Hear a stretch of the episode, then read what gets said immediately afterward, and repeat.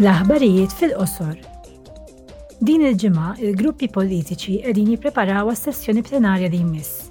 Il-ġimgħa d-dieħla fi Strasburgu, il-membri tal-Parlament Ewropew se jiddibattu u jivvutaw fuq il-miri għat-tnaqqis tal-emissjonijiet tas-CO2 għall-karozzi ġodda tal-passiġġieri u l-vetturi kummerċjali ħfief. Se jivvutaw ukoll fuq l-inklużjoni tal-miżuri tar-REPowerEU fil-pjanijiet nazzjonali ta' rkupru. L-għan hu li nsiru inqas dipendenti fuq il-fjuwils fossili Russi u naċċeleraw it-tranżizzjoni ekoloġika.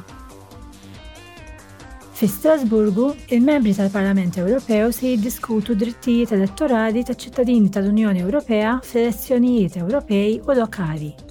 Il-membri se jiddibattu fuq il-politika tal-Bank Ċentrali Ewropew mal-President tiegħu Christine Lagarde u wara se jivvotaw.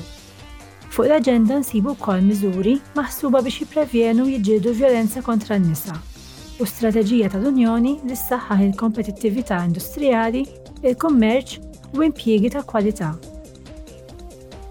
Din il-ġimgħa wkoll, il-membri tal-Kumitat għall-Industrija, ir-Riċerka u l-Enerġija se jivvutaw fuq proposta li taġġorna d-Direttiva tal-Unjoni dwar ir-rendiment tal-bini fl-użu tal-enerġija, li hija parti mill-pakkett Lesti għall-Mira ta' 55 fil-Mija.